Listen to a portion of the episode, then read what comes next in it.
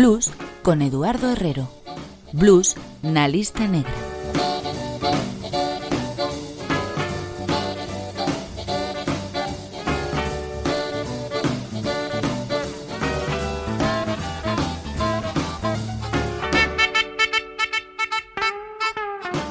estás aquí porque queres é porque xa sabes o que che espera. Se viñas de paso ou isto che colle de novas, mira a ver, non teñas presa. Acabas de entrar no garito máis negro de toda a radio pública de Galicia. Ao fondo hai sitio, aló, xunto á mesa de billar. Neste antro só poñemos blues, a música máis honesta que existe. Vai pensando que vas tomar. Son Eduardo Herrero e hoxe quero que coñezas un dos maiores expoñentes do que deu en chamarse Blues de Chicago – aquel que agromou na cidade do vento a partir dos anos 50 do século pasado. O rei actual, derradeiro gran representante dese subxénero que segue vivo e ao mesmo tempo un tipo inclasificable que trascendeu escolas e estilo ao longo da súa longa traxectoria.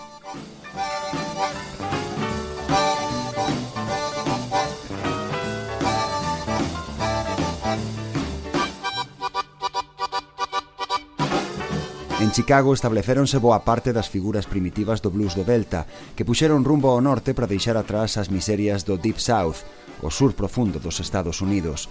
Ali floreceu un blues máis barroco e se cadra tamén algo máis luminoso. O protagonista do programa de hoxe é un alumno aventaxado daqueles pioneiros reubicados na gran urbe, moi en particular de Muddy Waters. Oxe, escribe o seu nome na lista negra George Guy, un soberbio guitarrista de Luisiana, aínda en activo os seus 86 anos, a quen todo o mundo do blues coñece como Buddy Guy.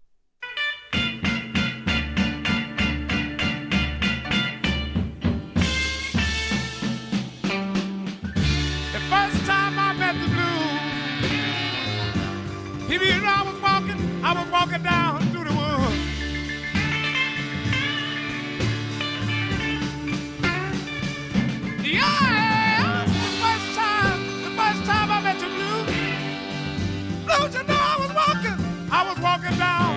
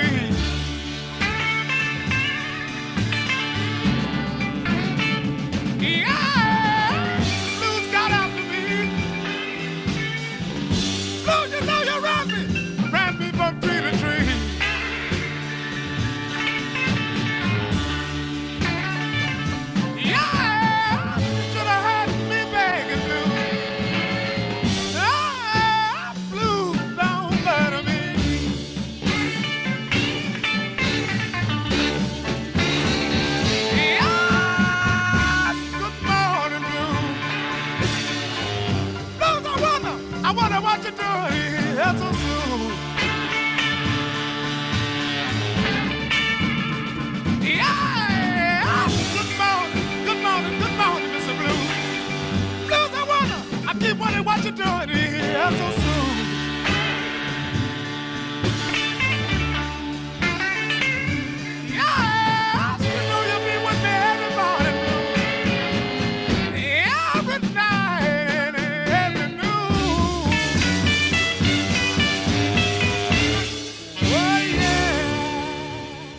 George Buddy Guy naceu o 30 de xuño de 1936 na pequena poboación de Lettsworth, no estado de Louisiana. Seus pais, Sam e Isabel Guy, eran parceiros, é dicir, traballaban as terras dun terratenente a cambio dun soldo. Buddy é o maior de cinco irmáns. De cativo recollía algodón a razón de 2 dólares e 50 centavos por cada 100 libras de peso, o que veñen sendo case 50 kilogramos non é de extrañar que a xiña escoitase os cantos de serea do blues. One, two, three, hit!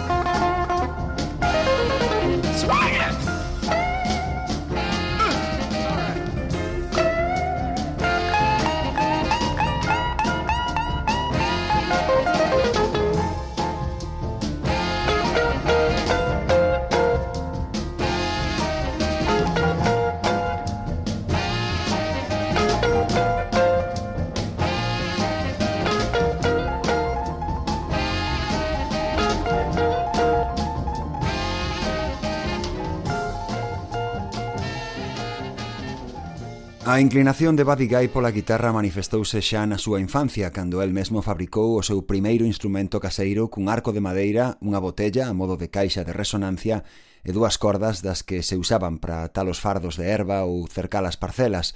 Este tipo de guitarras artesanais formaban parte da tradición do sur profundo e do blues rural desde comezos do século XX.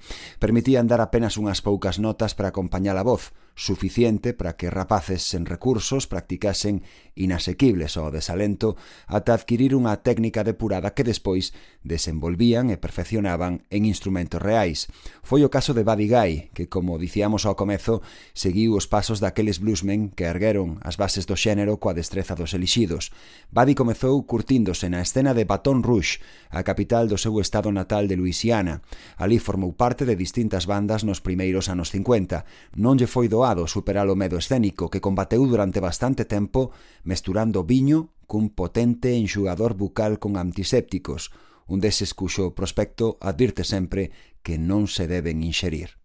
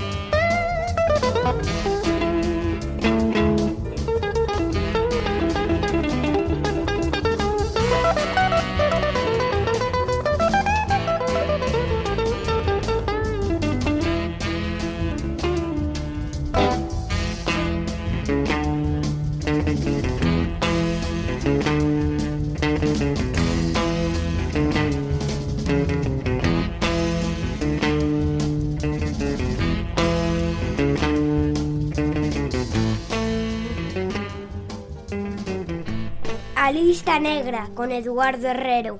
Buddy Guy é hoxe o protagonista na Lista Negra, o espazo reservado ao blues en Radio Galega Música e Radio Galega Podcast. O artista de Lettsworth instalouse en Chicago en 1957 e non tardou en entrar no círculo da elite musical da cidade, de Muddy Waters a Freddie King, pasando por outro dos membros do noso club de ilustres, Howling Wolf.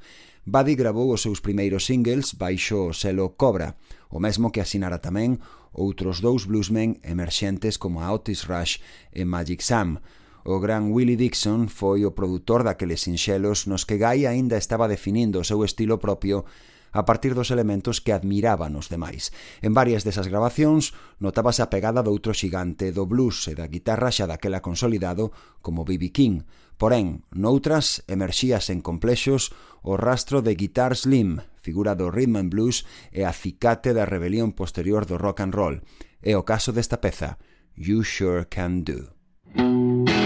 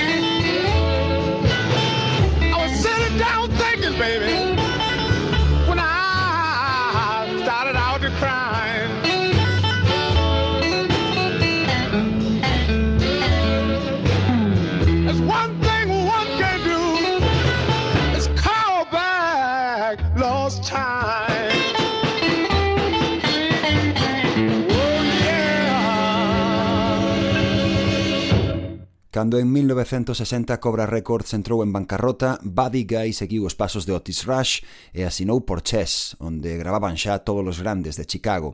Alguns críticos sosteñen que Leonard Chess cercenou o talento de Buddy Guy como un cruel domador de circo cun tigre indisciplinado, pero certo é que as grabacións que fixeron xuntos saen fortalecidas co paso do tempo e seguen estando entre o mellor de todo o seu catálogo. Foi unha época en que Buddy se curtiu a maiores como músico de sesión tocando a guitarra en discos memorables doutros artistas como a Little Walter, Muddy Waters, Sonny Boy Williamson ou no éxito de Coco Taylor, One Down Doodle. A modo de balance final desa etapa, en 1967 publicou o seu primeiro LP titulado Left My Blues in San Francisco e co corazón roto, como todo bluesman que se precie de selo, puxo o sombreiro e saiu á busca de novos horizontes. One, three.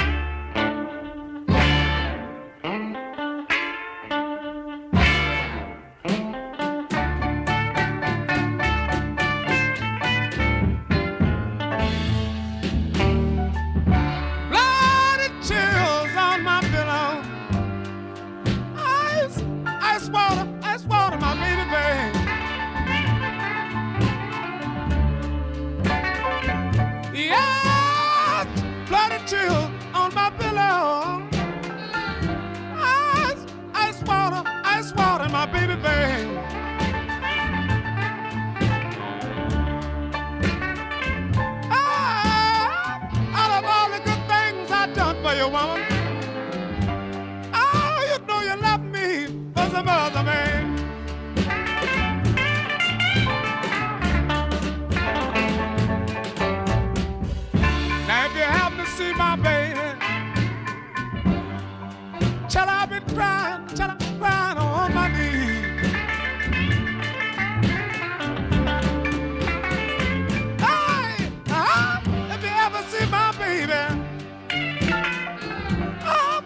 want you to tell her, tell her I've been crying on my knees.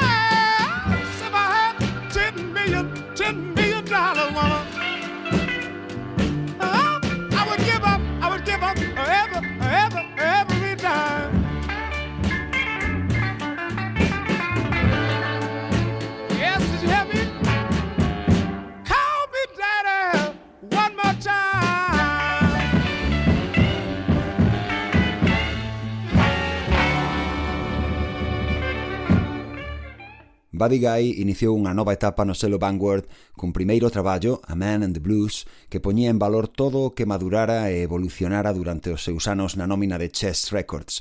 O disco rebosaba gusto e groove, A banda soaba como un reloxo, non en van cada un dos seus membros podía presumir de pedigrí. Otis Pan era o pianista do mestre Muddy Waters, Fred Bellow veterano batería curtido xunto a Little Walter, un dos mellores harmonicistas da historia do blues, formaba a base rítmica co baixista Jack Myers, colaborador doutro ilustre, Junior Wells, de quen falaremos máis adiante, e o guitarrista Wayne Bennett levaba tocando con Bobby Bland, alcumado por algúns o Sinatra do blues, desde que este acadara o éxito comercial a finais dos anos 50. O resultado da unión de tanta destreza e competencia soaba así de ben. Música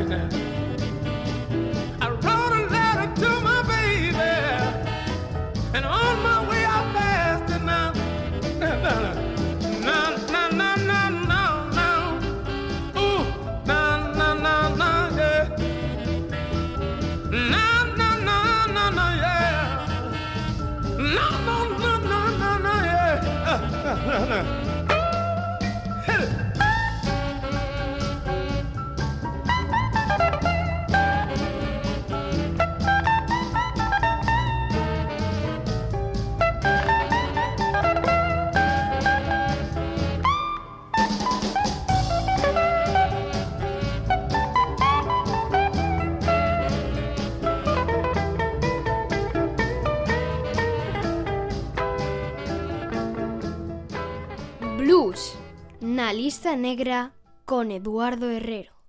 A carreira de Babi Guy non se pode explicar sen nos deter na súa longa asociación co harmonicista e cantante Junior Wells, con quen gravou máis dunha dúcia de traballos e realizou xiras desde mediados dos anos 60 ata a morte de Wells no ano 1998. De feito, algúns consideran que Hoodoo Blues, o álbum de debut de Junior Wells de 1965, é o mellor disco en que xamais tomou parte Buddy Guy. Desde logo é un exemplo seminal e esplendoroso de Chicago Blues. Junior Wells, que ben merece o seu propio renglón na lista negra, foi un neno prodixio que aos sete anos tocaba a armónica con mestría tutelado polo seu curmán Junior Parker e o virtuoso Sonny Boy Williamson, outros dous nomes a ter en conta en futuros programas. A súa irmandade con Buddy Guy tivo continuidade entrada xa a década seguinte co disco conxunto Buddy and Junior Play the Blues de 1972 ou a súa mítica actuación no Festival de Montreux, en Suiza, de 1974, arroupados por unha banda de estrelas entre as que destacaban os nomes de Bill Wyman, baixista dos Rolling Stones, e o pianista Pine Top Perkins. Ese concerto tardou oito anos en se editar como LP, cando por fin viu a luz en 1982, fixo cun título incendiario Drinking TNT and Smoking Dynamite, bebendo TNT e fumando dinamita.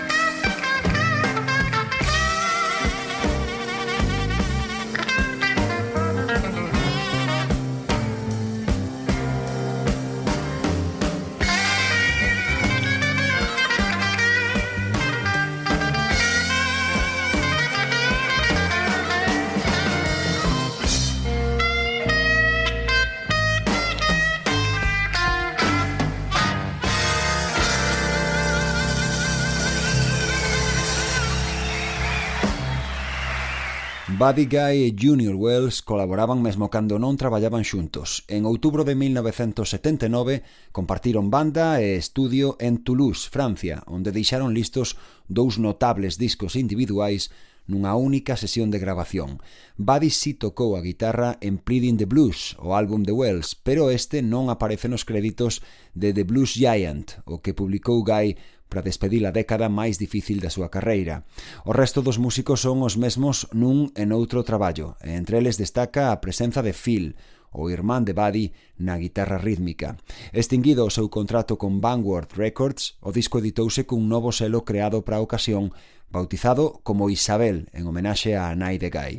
O corte máis salientable era a revisión do seu propio clásico Stone Crazy, unha das 100 mellores cancións para guitarra xa máis escritas, segundo a revista Rolling Stone, que tivo que ser rebautizada como Are You Losing Your Mind por problemas de copyright, cousas da implacable industria discográfica.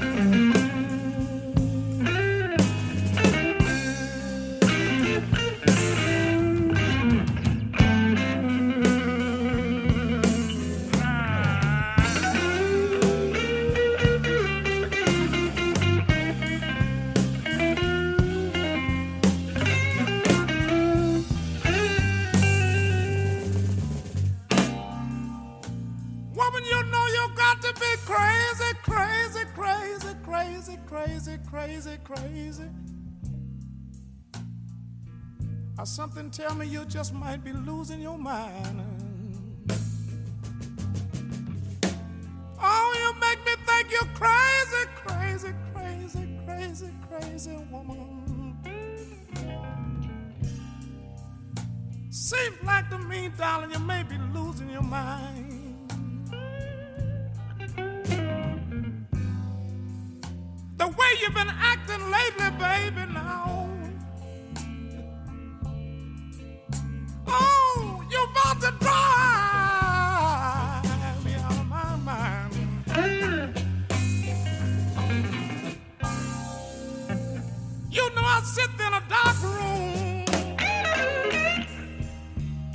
Yes, my tears rolling down my. Ow! You know you make me sit there in a dark room.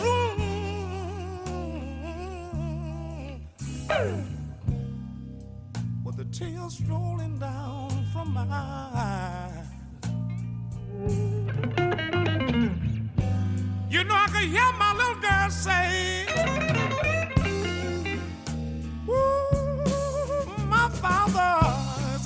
child.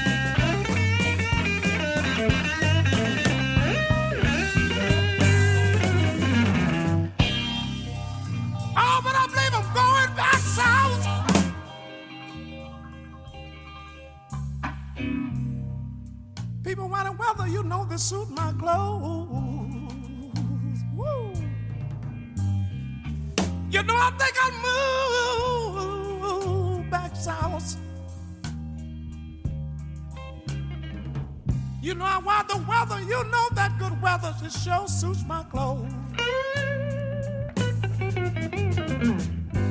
You know, I've been here in Chicago so long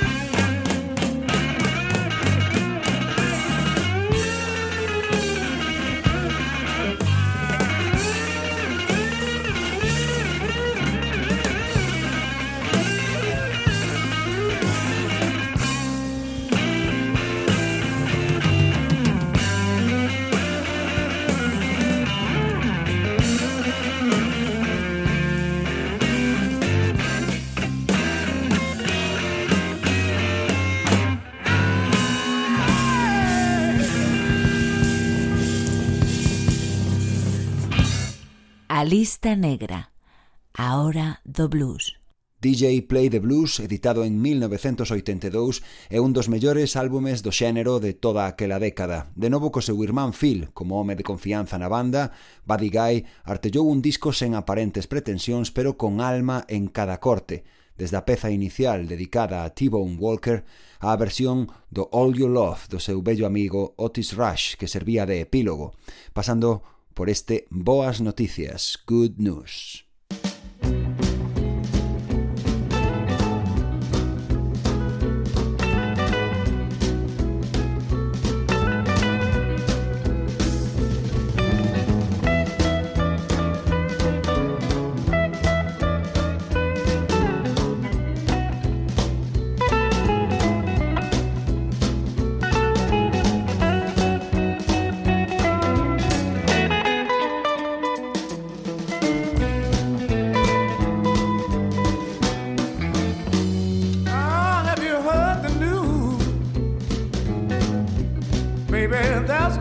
Rocking in here tonight.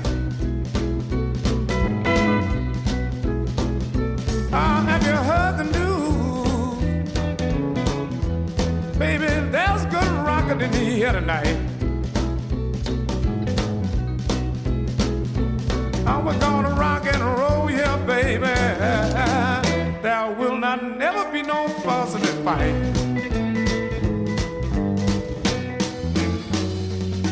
I'm gonna hold just a tight as I just can. Cause tonight my baby gonna know that I'm a mighty, mighty, mighty man. Have you heard the news? There will be some good rocking tonight. Oh, we're gonna rock and roll in your baby. Gonna have a good, good time tonight.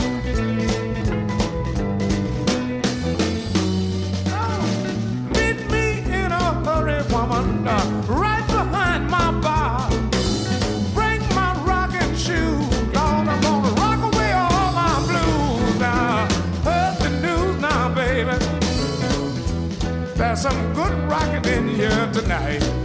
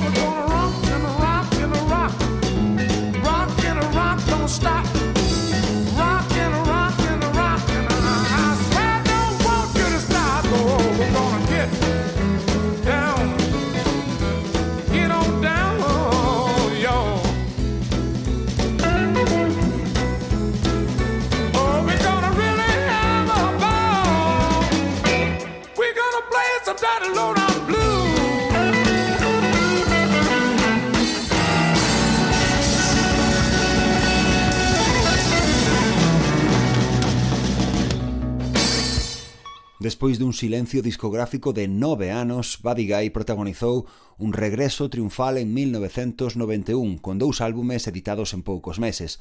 O primeiro deles, Alone and Acoustic, un novo traballo compartido con Junior Wells, desta volta como avanzaba o título en formato acústico. Grabado en Francia, nun breve descanso da súa xira conxunta, despachou máis de 100.000 copias, unha cifra excepcional para calquera disco de blues, pero máis aínda para un como este, que supoñía un auténtico regreso ás orixes, ao blues que se tocaba na rúa a comezos do século nos estados do sur.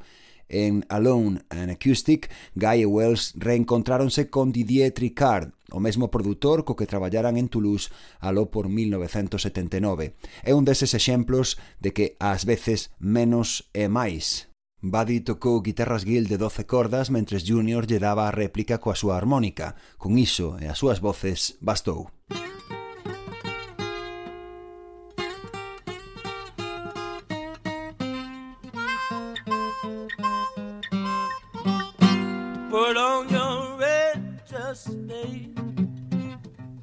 Honey, we going out tonight. Put on your red dress, baby. Honey, we going out tonight. Want you to wear your boxing gloves in case some fool might want to fight.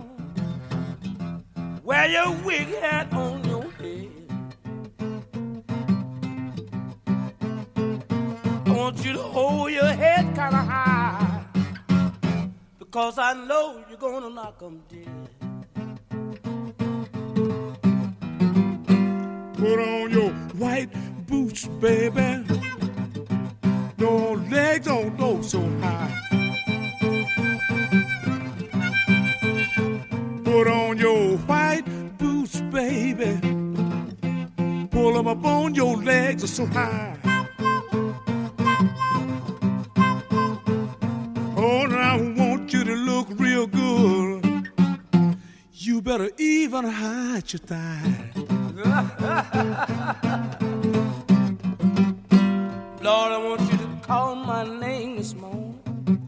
Call it so sweet and low. And make me think, little girl. Lord, I'm on the third floor. Put on your high heel sneakers. Wear that wig hat on your head. Want you to raise your dress real high.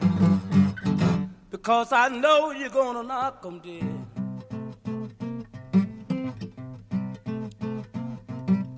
Raise your window, woman up. Raise it soft and slow. See a man down there could be your man. I don't know. Uh-uh.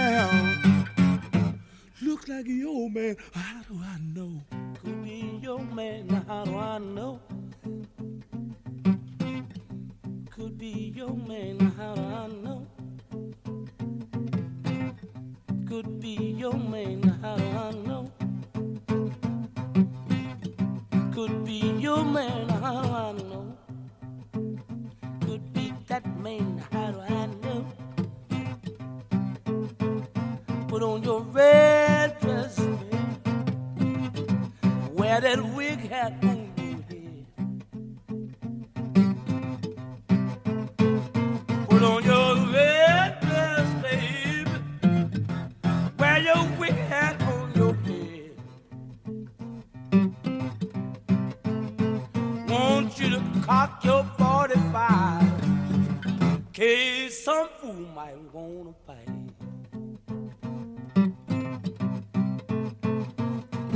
I know you're gonna get real high. I know, And I you know know you're you're gonna gonna knock 'em dead.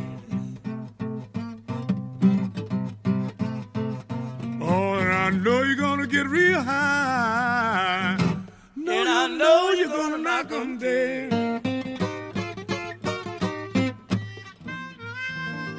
Se Alone and Acoustic era un disco de atmósferas íntimas e evocadoras, o outro álbum que Buddy Guy publicou en 1991 situábase no polo oposto, o da exuberancia, a exhibición de músculo e o derroche de medios tan de moda naquela época. Porén, Damn Right I've Got the Blues foi aínda máis celebrado pola crítica e acadou tamén vendas excelentes. A isto último axudou sen dúbida a lista de convidados ilustres que aparecían nos créditos.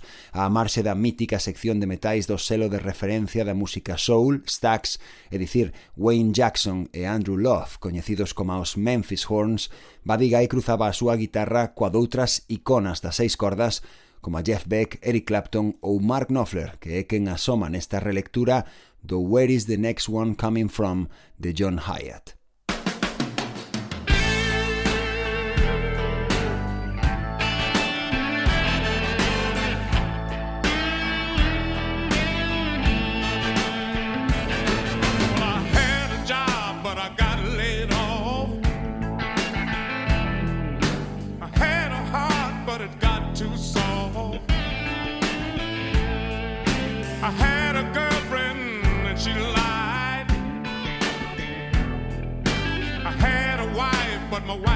Died.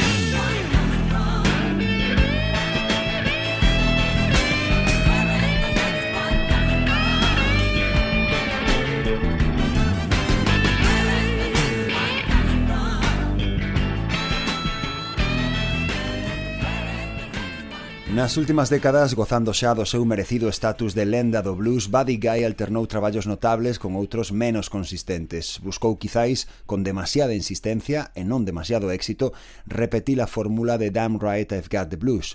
Polo camiño consolidou o seu propio club en Chicago, o Buddy Guy's Legends, que presume de programar música ao vivo sete días á semana nun local sen luxos e cun menú igualmente modesto.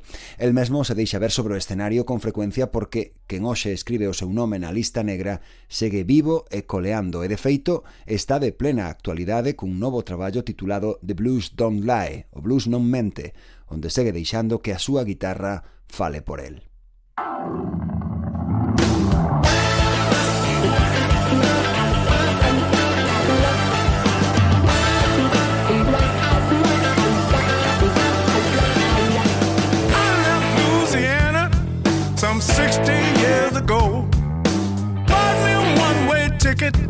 To sweet on Chicago.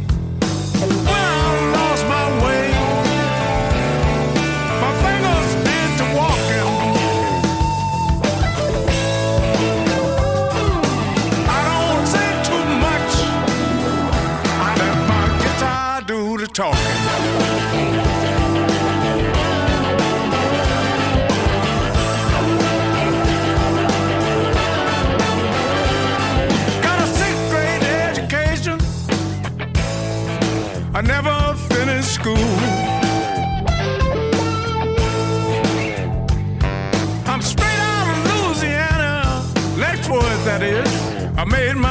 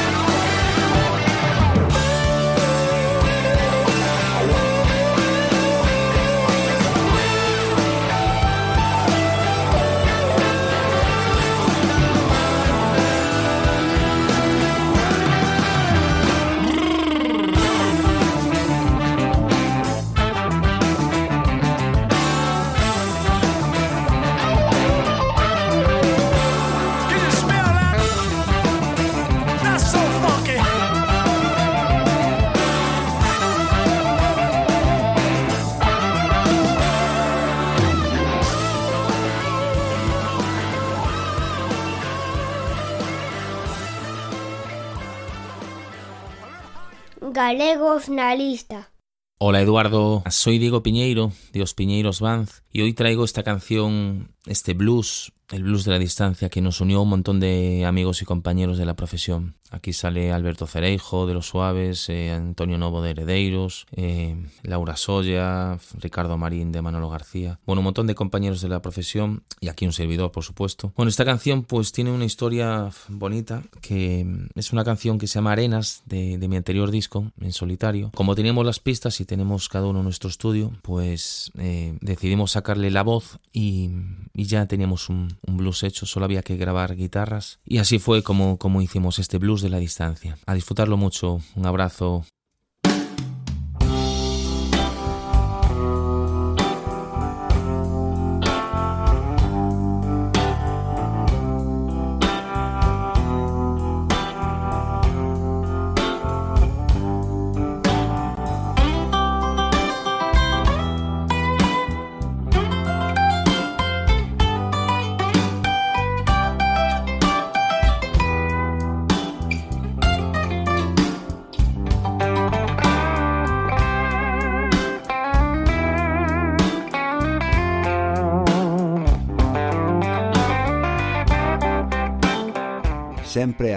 tempo reservado pro blues galego na lista negra.